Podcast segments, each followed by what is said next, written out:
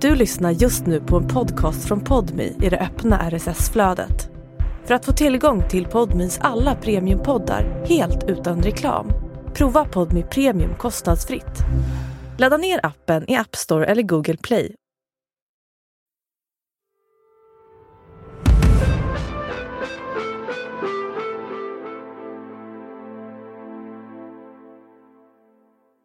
–2012, då misslyckades du slutligen med att ta dig in i vuxenvärlden. Var det rätt uppfattat från min sida? Ja. Vad menade du med det? Det är den 10 november 2022 i Gotlands tingsrätt. I en vitkalkad vacker byggnad några hundra meter utanför Visbys ringmur. I en förhandlingssal en trappa upp försöker åklagare Henrik Olin få svar. Och jag, ska, jag klarar inte av att komma in i någon gemenskap. Jag klarar inte av att föra mig i det... Jag klarar inte av det vuxna sociala spelet och maktspelet som pågår. Där du armbågar dig fram till vissa positioner. Där du klarar av att fungera i grupper och ta dig in på arbetsplatser och bli en del i gemenskaper, bli en del i bygemenskaper. Fram till året de pratar om, 2012, så ser Theodor Engströms liv väldigt annorlunda ut mot det som kommer sen. För då händer något, säger han själv. Det är klart att det påverkar dig och vem du blir och vad du kan göra och inte. Och vad var det som hände 2012 som var den här viktiga slutpunkten? Alltså jag, jag, jag, det här misslyckandet har pågått ända sedan skoltid, ända sedan lekis. Men 2012 så blev det slutgiltigt. Alltså det, då, gick, då gick det slutgiltigt upp för mig att det är kört. Okej. Det, det, du kommer aldrig bli en del i någon sorts normal vuxengemenskap här utan du kommer bli förpassad som en spökpojke likt andra spökpojkar till föräldrahemmet. Förhöret går mot sitt slut. Theodor, medicinerar du på något sätt mot eh, psykisk ohälsa? Tar du några några- några mediciner? Jag fick antidepressiva utskrivet några år men jag har istället använt mig av cannabis i självmedicineringssyfte. Jag har upplevt att det har varit ångestdämpande och lugnande. Har du medicinerat eller fått några antidepressiva mediciner eller mediciner mot psykisk ohälsa under häktningstiden? Nej. Okej. Tack, jag har inga fler frågor. Men den viktiga frågan som Henrik Olin ställt ett par gånger har inte fått något tydligt svar. Vad var det egentligen som hände i Theodor Engströms liv 2012 när han blev det han kallar spökpojke? Och varför menar Theodor Engström att det året är så viktigt för att försöka förstå dådet i Almedalen? Han gick strövad omkring, spankulerade omkring på skolgården. En stor sten. En stor sten. En stenpumling alltså, en ganska rejäl sak. I och med att fönstret var krossat, inbrottslarmet gick och det brinner. Går inte att förstå valet av Annie Lööf till exempel som ett tilltänkt mordoffer utan den högerextrema kopplingen. Du lyssnar på Podmi Dokumentär om spökpojken och Almedalsmordet. En serie i tre delar. Jag heter Filip Boom och det här är andra delen. I will tell you what you get. You get what you fucking deserve.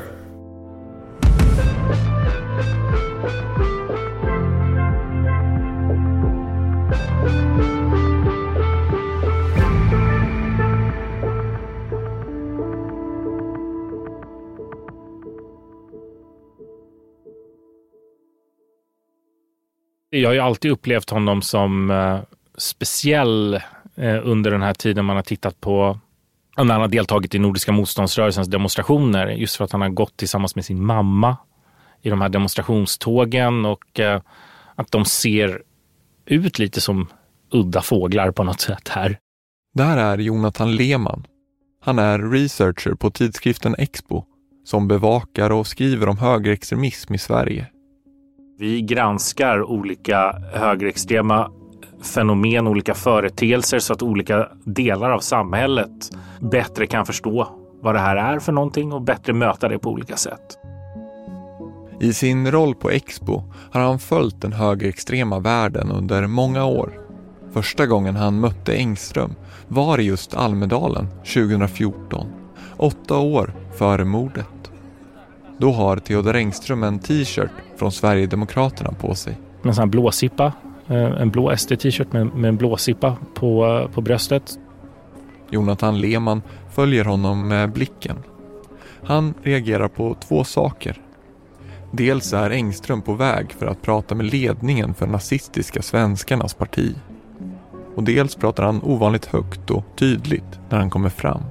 Och säger att eh, han är sverigedemokrat, han identifierar sig som det, som anhängare av SD, men att eh, han stödjer eh, svenskarnas parti också därför att de är spjutspetsen i den nationella rörelsen, säger han. Eh, och han säger det här ganska högt och, och, mm, och, så. Och jag går sen fram och frågar honom vad han sa och hur han tänkte och sådär för att vara säker på att jag hörde rätt. Eh, och så. Och sen har ju den här personen ja, dykt upp mer och funnits sen i, i anslutning till, till eh, Nordiska motståndsrörelsen och så också. Den 6 juli 2022 hör en kollega av sig till Jonathan Lehmann Kollegan berättar att han hört vem som är misstänkt för mordet i Almedalen. En Theodor Engström. Jag visste direkt vem det var när jag fick namnet och så eh, tittade vi på vad vi hade och försökte säkra så mycket annat material eh, som möjligt. Vi ska komma tillbaka till Jonathan Lehmann och åren innan dådet i Almedalen. Men för att förstå bakgrunden och försöka ta reda på vad som mer exakt hände i Theodor Engströms liv 2012 så ska vi till en skolgård i Smålands inland i mitten av 00-talet. Men oftast såg jag honom ensam gående och om han gick och grubblade eller vad han nu gjorde, det vet inte jag men han gick strövad omkring, spankulerade omkring på skolgården. En gammal klassföreståndare från högstadiet som inte vill medverka med namn minns Theodor Engström klart och tydligt. Det finns ju vissa elever som man kommer ihåg och vissa faller ju glömska. Men Theodor är i alla fall en sån person som man kommer ihåg. Ja, en introvert människa. Han var, han var alltså väldigt eh, inåtriktad och, och, och som jag uppfattade inga kamrater. Kanske någon enstaka men, men han var väldigt mycket ensam. Han minns hur Theodor Engström brukade reagera när man pratade med honom. Han upplevde honom som obekväm och lite undvikande. Svår att komma in på livet liksom och, och få något uttömmande svar ifrån honom om man frågar någonting utan det var ju mest nickande och han, han drog sig undan. Han, han såg man, tittade man aldrig i ögonen när, när man frågade och pratade med honom utan han, han liksom, ja, drog sig undan leende. Men det var ingenting direkt som jag gick vidare med eller, eller pratade med andra om. Utan jag lät honom väl hållas. Så var det väl. Theodor Engström föds 1989 och växer upp i Målilla i Småland. En ort med 1500 invånare. Mest känt för speedway. Här kör Målilla Stolthet, Dackarna och här arrangeras Grand Prix varje år. Theodor Engströms mamma oroar sig tidigt för sin son. Hon försöker vända sig till lärare på skolan men hon upplever inte att hennes oro tas på allvar. Hon tror att sonens goda studieresultat kan vara orsaken. Och Theodor Engström går ut nian med bra betyg. Men senare pekar Theodor Engström själv ut skoltiden som avgörande för känslan att inte passa in, att han lämnas utanför. Han beskriver i förhör att det under högstadietiden utvecklas till ren mobbning. Ända sedan skoltid och lekis så har jag upplevt att jag avselekterades. Alltså jag, jag kom aldrig med i gemenskapen på grund av psykiska problem och vad man nu vill benämna det som. Och sedan har jag jag har aldrig kommit ifatt utan det har varit problem genom hela skoltiden. Och den här bilden, att Theodor Engström lämnades utanför, den håller faktiskt hans klassföreståndare från högstadiet med om. Ja, det, det, kan man väl säga. Då kan jag hålla med honom då att han var avselekterad. Så till att eh, jag, jag kan inte säga direkt att de bjöd in honom till någon gemenskap eller så. Han var som ett femte hjul eller vad man ska säga då. Efter att Theodor Engström gått ut högstadiet har klassföreståndaren ingen fortsatt kontakt med honom. Men när nyheten om mordet i Almedalen sprids och namnet på gärningsmannen publiceras börjar det gå upp för honom att det är en av hans gamla elever. Jag var ju inte hundra på det men jag reagerade åt det här. Det där kände jag igen. Det där namnet. När jag sedermera fick höra då att det var en liten ort i Småland och sen framkom det att det var i Målilla, ja då var det såklart. Och, och då kom ju tankarna på om man hade kunnat gjort någonting för honom under skoltiden då, va? om det hade visat några signaler och tecken eller någonting. På gymnasiet börjar Theodor Engström en naturvetenskaplig linje. Subtle results, still you, but with fewer lines. Botox Cosmetic, out of botulinum toxin A, is a prescription medicine used to temporarily make moderate to severe frown lines, crow's feet, and forehead lines look better in adults. Effects of Botox Cosmetic may spread hours to weeks after injection, causing serious symptoms. Alert your doctor right away as difficulties swallowing, speaking, breathing, eye problems, or muscle weakness may be a sign of a life threatening condition. Patients with these conditions before injection are at highest risk. Don't receive Botox Cosmetic if you have a skin infection. Side effects may include allergic reactions, injection site pain, headache, eyebrow and eyelid drooping, and eyelid swelling. Allergic reactions can include rash, welts, asthma symptoms, and dizziness. Tell your doctor about medical history, muscle or nerve conditions including ALS or Lou Gehrig's disease, myasthenia gravis, or Lambert-Eaton syndrome and medications, including botulinum toxins, as these may increase the risk of serious side effects. For full safety information, visit BotoxCosmetic.com or call 877-351-0300. See for yourself at BotoxCosmetic.com. Han får MVG i mer än hälften av alla ämnen. Han intresserar sig för historia, religion och skriver ett projektarbete om hur man kan minska den globala uppvärmningen. Hösten 2009 börjar Theodor Engström plugga i Uppsala. Med sig har han ju bra betyg, men framförallt ett resultat från högskoleprovet på 1,6. Med det kommer han in på Polkan-programmet, en prestigefylld utbildning. Högsta betyg i nästan alla ämnen krävs för att komma in det här året. De som går programmet vill ofta bli tjänstemän, diplomater, politiker. De tillhör i stor utsträckning den värld han senare kommer att hata. Den som finns i Almedalen. Ganska vanligt att eh, det är mycket ungdomspolitiker som kanske redan har påbörjat sina politiska karriärer som tar en polkant som sin utbildning om de inte går juridik eller någonting. Pelle Forsmark började programmet året innan och var en av de ansvariga för insparken den här hösten på Polkan. Bland mina kompisar som tog examen så var det många som sen jobbade på, på FN, EU, statliga myndigheter, eh, om de inte blev karriärpolitiker. Om jag säger att det är en eh, etablissemangslinje, vad säger du då? Ja, det får man väl säga att det är, för att det är ju en linje som, som fostrar folk till den, till den liksom offentliga världen och alltså samhällets styr, styrande skikt. I sina mejl från den här perioden hittar Pelle Forsmark Theodor Engströms namn i listorna. Och vi placerade ut honom tillsammans med andra i de preliminära faddergrupperna. Inspark är veckan innan studierna börjar då man lär känna sina nya klasskamrater.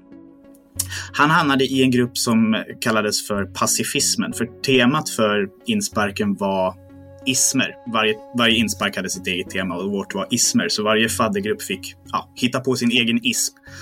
Så det var allting från eh, fanatismen till barbarismen till kulturimperialismen. Och en utav dem var pacifismen och där skulle han ha varit. Men spåren är få av honom. Jag tror inte att vi fick något svar överhuvudtaget. Jag tror bara att han var, inte anmälde sig och inte dök upp och kanske inte heller svarade. För jag hittar inga mejl från honom i mina egna inkorgar i alla fall. Bara ett par veckor in på utbildningen avregistrerar sig Theodor Engström.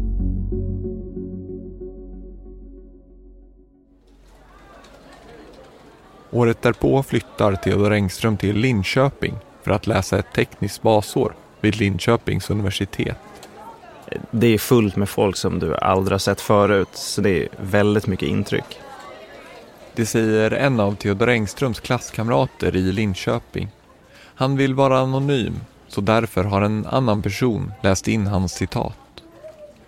Studentlivet är speciellt. Ett tydligt steg till något nytt.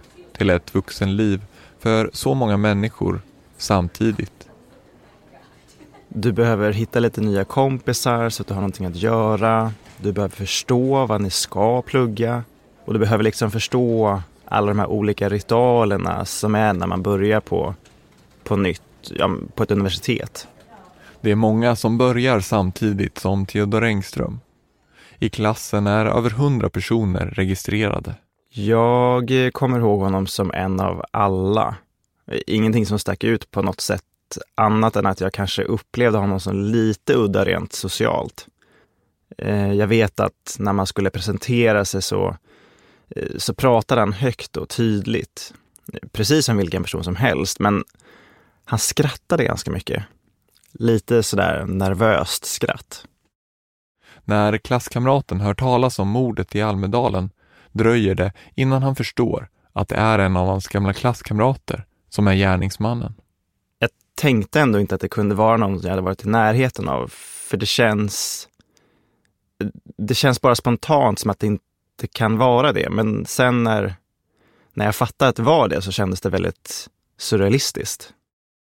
Första året i Linköping ser ut att gå lite bättre för Theodor Engström.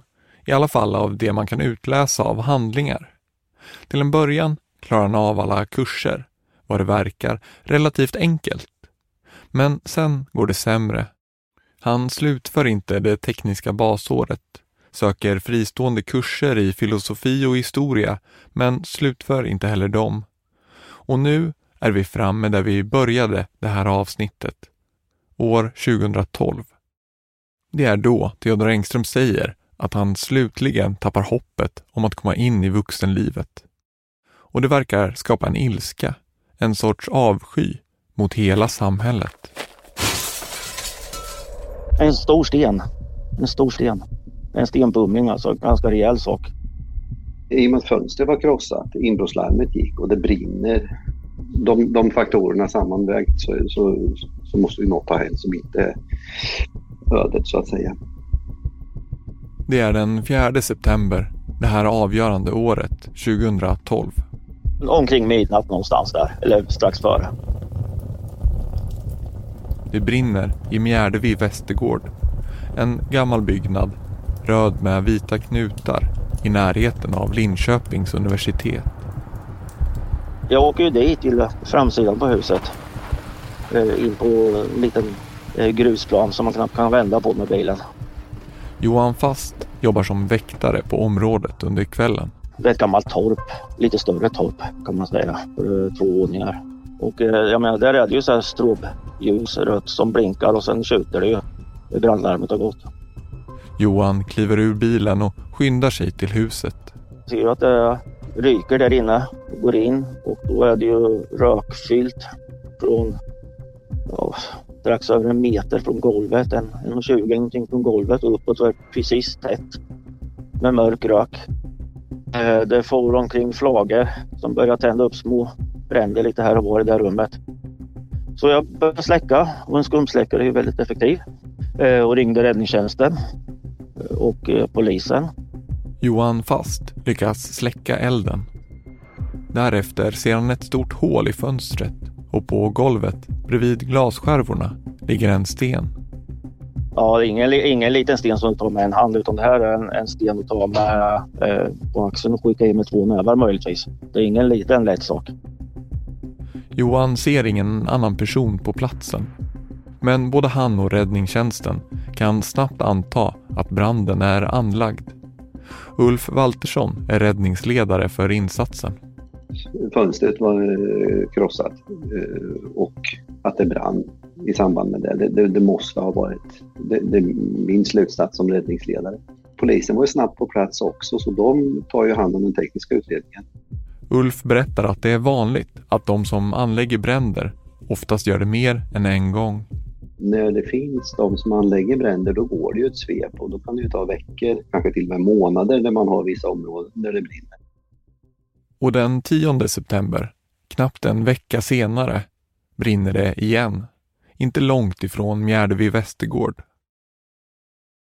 Klockan är 04.11 när någon tänder eld på ett litet trähus. Och den här gången går det sämre.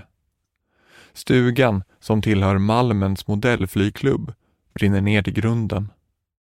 Man hittar två bensindunkar intill platsen.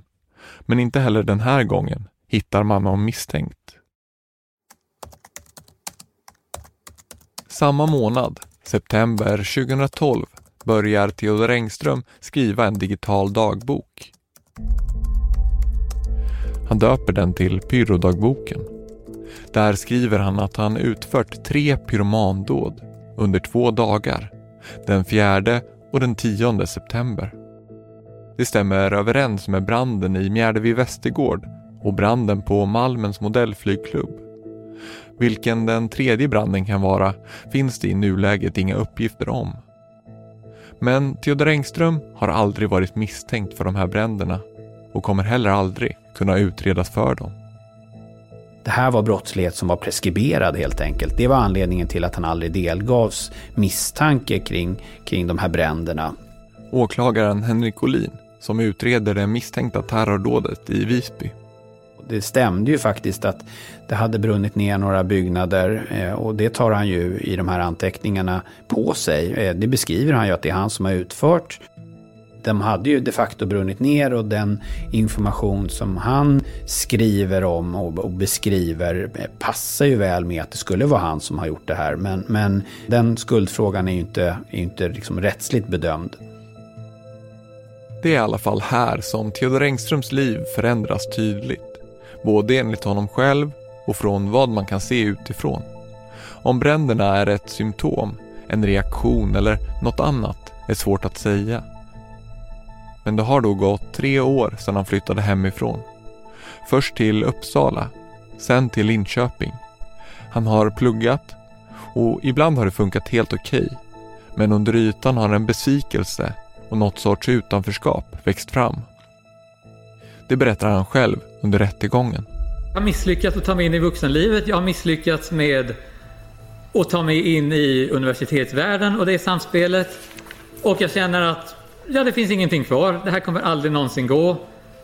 Annat än att flytta hem och förtvina i föräldrahemmet. Han blir då, menar han själv, en spökpojke i en... Say hello to a new era of mental health care. Cerebral is here to help you achieve your mental wellness goals with professional therapy and medication management support. 100% online. You'll experience the all new Cerebral Way, an innovative approach to mental wellness designed around you. You'll get a personalized treatment plan from a therapist, prescriber, or both in a safe and judgment free space. Your cerebral therapist or prescriber will outline a customized plan with clear milestones along the way so you can get to feeling your best. With Cerebral, you're not alone in your mental health journey. We're here to empower you to live a fulfilling life. So take that first step towards a brighter future and sign up today at cerebral.com slash podcast and use code ACasts to get 15% off your first month. Offer only valid on monthly plans. Other exclusions may apply. Offer ends July 31st, 2024. See site for details. Spökbur. Jag förpassades i det här spökpojkestillståndet och därefter så, så, så växer en sorts meningslöshet fram. Och ett tomrum och mitt mående har blivit sämre och sämre. Och den här flytten till föräldrahemmet 2012 blir ett hårt slag för Theodor Engström. Han upplever det som ett misslyckande. Ett slutgiltigt bevis på, som han säger, att han inte passar in i samhället. Jag blev aldrig vuxen som jag ser det, för det finns ingen vuxen erfarenhet, utan då påbörjades en tillvaro som en spökpojke i en spökbur i föräldrahemmet. Han talar också om sig själv delvis i termer av en incel. Att han tillhör en så kallad förlorargrupp som inte har möjlighet att bilda en egen familj. Incel, det är ju då begreppet som är för de männen som har misslyckats och gett upp, alltså ofrivilligt celibat. Jonathan Lehmann på Expo igen. Där man då ser det som att man själv är eh, att man aldrig kommer lyckas eh, hitta en partner. Och i det här finns det då en bitterhet och också odlas en, en eh, föreställningar också om att eh, eh, man på något sätt har, man har rätt till en, en eh, eh, sexpartner. Och det har liksom nekats en och, och eh, ur det så har det fötts då idéer om att man ska straffa omgivningen. Och frågan är om det här har spelat in gällande vilka Theodor Engström till slut riktar in sig på. Är det en slump tror du att de främsta måltavlorna till slut är kvinnor? Nej, det är det förmodligen inte. Varför inte? Att det ändå är en sån könsfördelning eh, och att det finns de här incel idéerna som man också då intresserar sig för och resonerar kring. Det är klart att det kan ha ett samband också, eh, även om jag inte vet det säkert. Influenserna är många, har byggts upp över ett helt liv det är ganska vanligt att olika personer som intresserar sig för politiskt våld och vi har sett från de som har genomfört eller försökt genomföra attentat att de liksom hämtar inspiration från lite olika håll. Det tycker jag Engström passar in ganska bra på. Då lånar man in lite från, från incel-biten och sen så har man de högerextrema influenserna och så finns det kanske ytterligare som vi inte riktigt har kunnat eh, kanske placera ursprunget till på ett bra sätt och där den psykiska ohälsan kanske spelar en viktig roll också. Ja, utöver incelströmningarna och de högerextrema tankegångarna så finns också den psykiska ohälsan med under lång tid i Theodor Engströms liv. Efter att han flyttat hem igen så får han kontakt med psykiatrin. Men i förhör berättar hans mamma att det bara blir årliga uppföljningar och att åtgärderna ofta är för få eller för dåliga.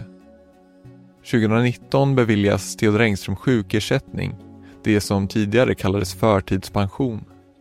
Det blir enligt mamman ett hårt slag för sonen. Det förstärker känslan av att inte duga.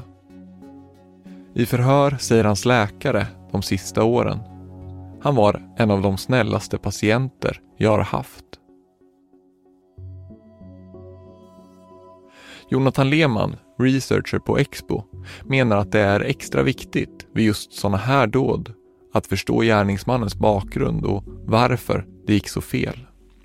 Det är viktigt att, att förstå gärningsmäns ehm, bevekelsegrunder, lära oss av det så man kan förhindra eh, den här typen av attentat i framtiden och bättre också fånga upp individer som finns i riskzonen. Så att eh, det är viktigt att få så mycket kunskap som möjligt. Både om sådana här individuella, eh, alltså om den roll som psykisk ohälsa spelar eh, när det gäller radikalisering och, och eh, ensamagerande gärningsmän, vilket vi ser i många fall att det finns med där. Men också då intresset för extrema ideologier och vilka är det och hur går de här eh, radikaliseringsprocesserna till och så. Så det, alla delar av det här tycker jag är intressant att Eh, för oss som samhälle att fördjupa oss i så mycket vi kan. Och Jonathan Lehmann har särskilt fokuserat på de högerextrema influenserna. Och flera sådana influenser finns hos Theodor Engström, menar han. Ja, det går inte att förstå till exempel valet av, av Annie Lööf som, som offer utan att, att förstå den. Det går bara att förstå utifrån det högerextrema. Som du hörde om i första avsnittet så var det under Annie Lööfs eftermiddag i Almedalen som dådet skedde. Hon befann sig i närheten och togs direkt till en säker plats.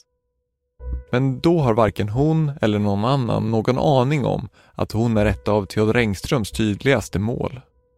Under åtta års tid har han fotat henne, bland annat i Almedalen. Han har skärmdumpat inlägg på sociala medier, gjort dokument med information om henne och tidigare under den här juliveckan i Visby har Theodor Engström undersökt möjligheten att mörda henne i Visby domkyrka, där Annie Lööf ska befinna sig kvällen den 6 juli. Samma dag som han ska komma att mörda Ingmarie Wieselgren. Det finns ett stort antal personer som nämns i det material som vi har hittat i dina olika datorer och USB-minnen och hårddiskar och telefoner. Men det finns ju väldigt mycket material kring just Annie Lööf. Är det en slump eller finns det någon anledning till det som du ser det? Jag har följt henne. Mm. Bland många andra. Mm. I förhandlingssalen i Gotlands tingsrätt, där Henrik Olin sitter mitt emot Theodor Engström, så sitter också Annie Lööf den här dagen. Hon försöker ta in det hon hör. Han var nöjd. Eh, han var stolt och det var ju därför det var så oerhört obehagligt. Han eh, tittade ju under stora delar av rättegången faktiskt ner i eh, bordet. Hon blir här intervjuad i SVTs program Karina Bergfeldt. Men det var ju under vissa sekvenser som när åklagaren la fram bevisningen så tittade han i mina ögon och så log han. Och eh, det liksom isades i kroppen lite faktiskt. Eh, sedan så eh, såg jag också när åklagaren la fram bevisningen kring hans eh, kartläggning genom åren, hur han hade förknippats med olika terrorister till exempel, att han, han liksom sträckte lite på sig och var nöjd. Eh, men det var en väldigt obehaglig stämning. Hon ifrågasätter om hennes offentliga position är värd det. Hon börjar tvivla på att hon orkar mer. Det liksom kryper in under skinnet på en eh, och man ställer sig frågan, det har jag aldrig gjort förr, men i somras ställde jag mig frågan, är det värt det? Eh, så jag har en familj, jag har två små barn. Jag vill ju vara med om deras eh, födelsedagar och julaftnar och när de tar studenten. Är det liksom värt att fortsätta? Dina ögon blir glansiga när du säger det. Ja, det, det kostar för mycket. Efter valet i september 2022, tre månader efter mordet i Almedalen, så meddelar Annie Lööf att hon avgår.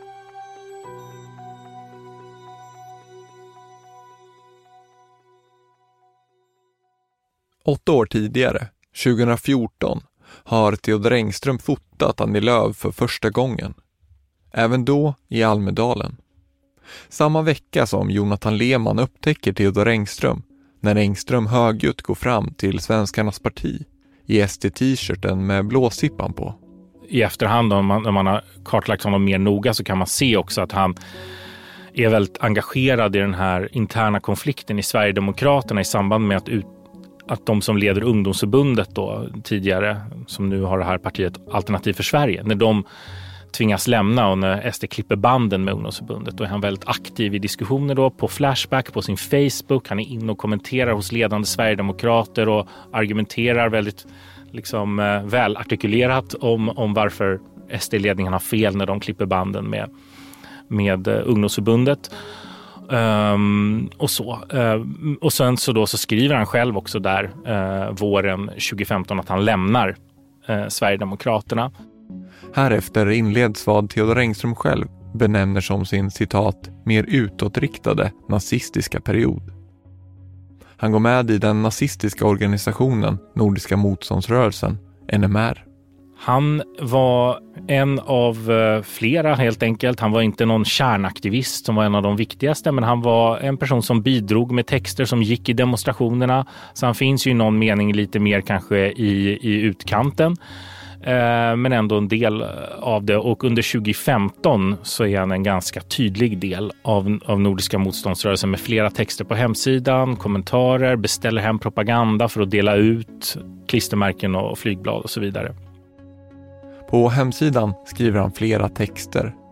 Långa historiska essäer med ett tydligt nazistiskt tankegods.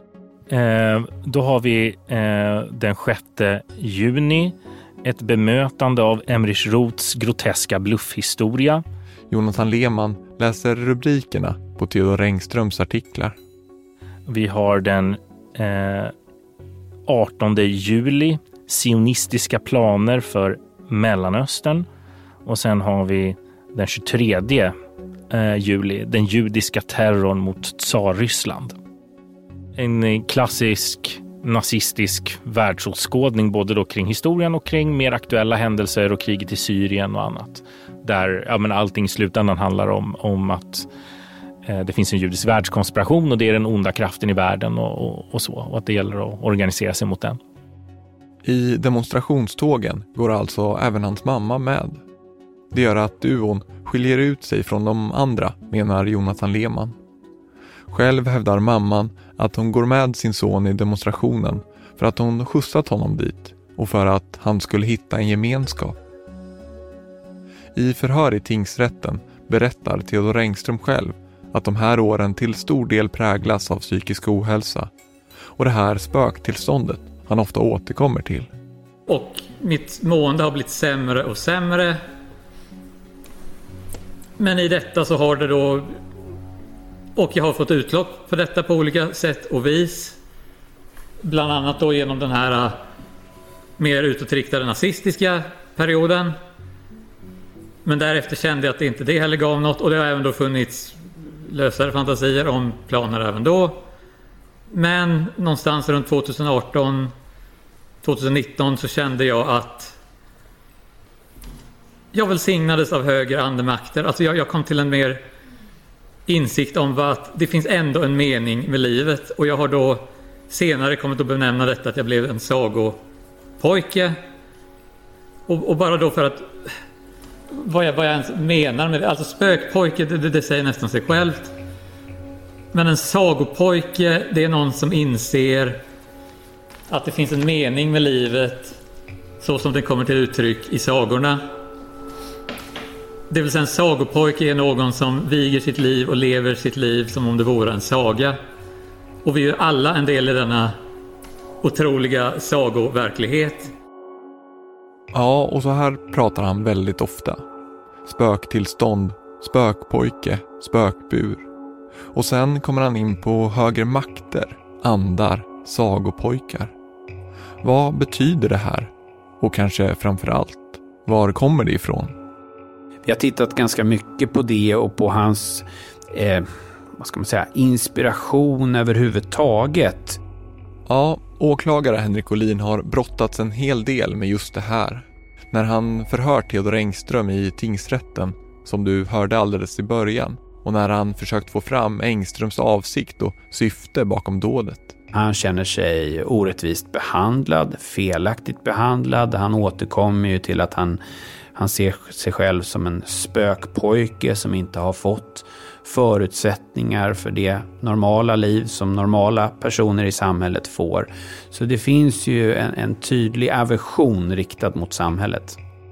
Och vilka ord Theodor Engström använder är viktigt. För det säger någonting om vad han inspirerats av. Vad som påverkat honom till att utföra mordet på Ingmar Wieselgren. En person han aldrig ens träffat. Och Theodor Engström har många inspirationskällor.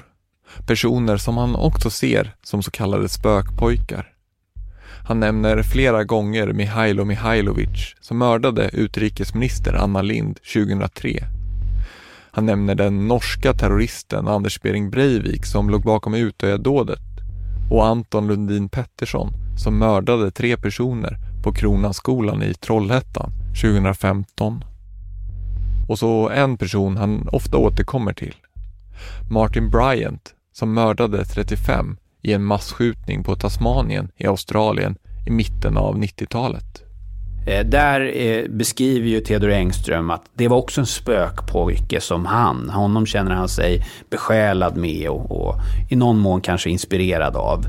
Och den typen av metkrokar till andra attentatspersoner eller länkningar, kopplingar till andra attentat och attentatspersoner. Det är ju ett återkommande tema i flera av de fynden som vi kommer att göra under den här utredningen. Jonathan Lehmann på Expo har också tittat mycket på Engströms språk. Det är svårt att direkt koppla till någon specifik inspirationskälla, tycker han. Ja, jag har tyckt det. Att, eh, att de bitarna är lite svåra att få grepp om, ja. Som till exempel det där med spökpojke. Spökpojke det ser ut att vara något av de här liksom, begreppen som kommer till honom lite senare helt enkelt. Som, och som inte är direkt kopplat till den högerextrema eh, tankevärlden egentligen.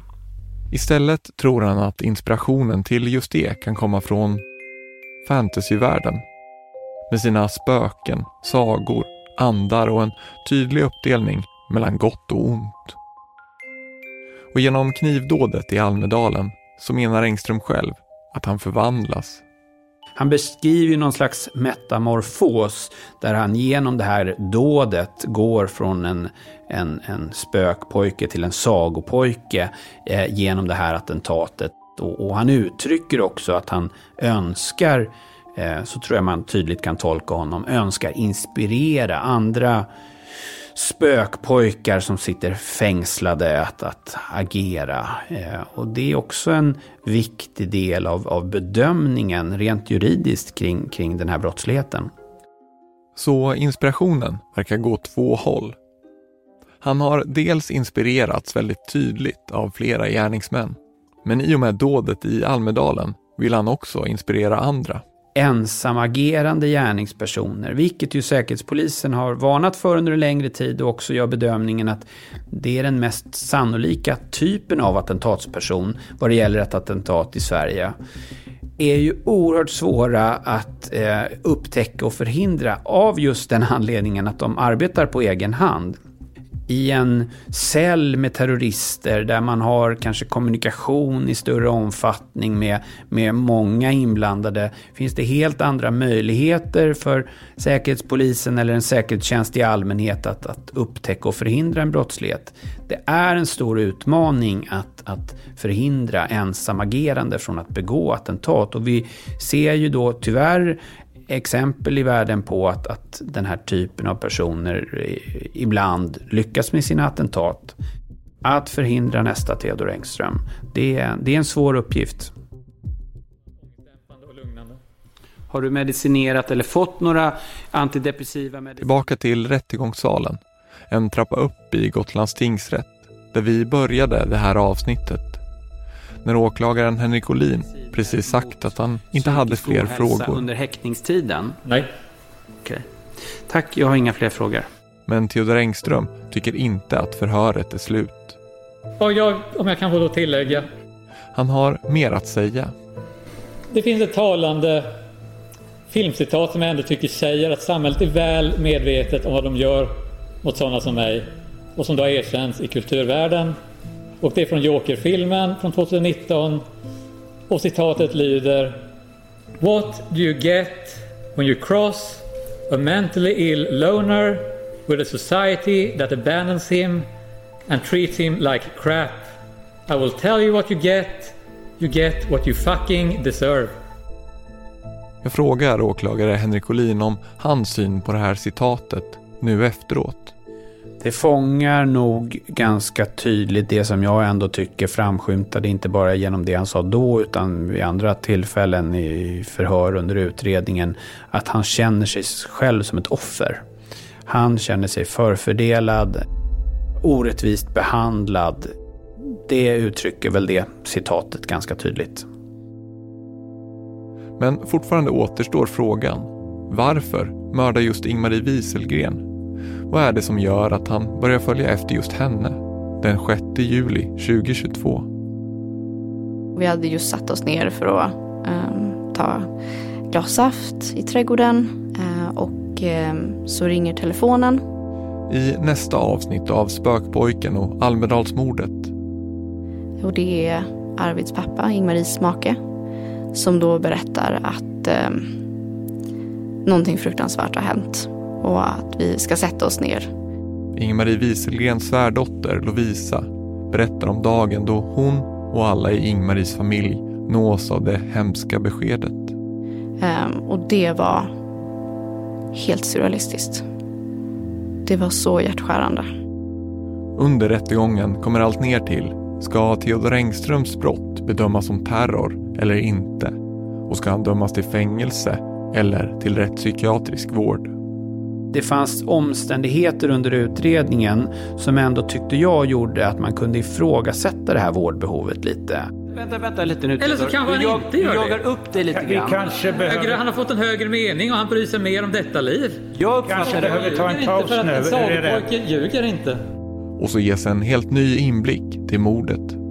Alldeles strax ser vi här, kommer där, ser vi mördaren passera förbi bild.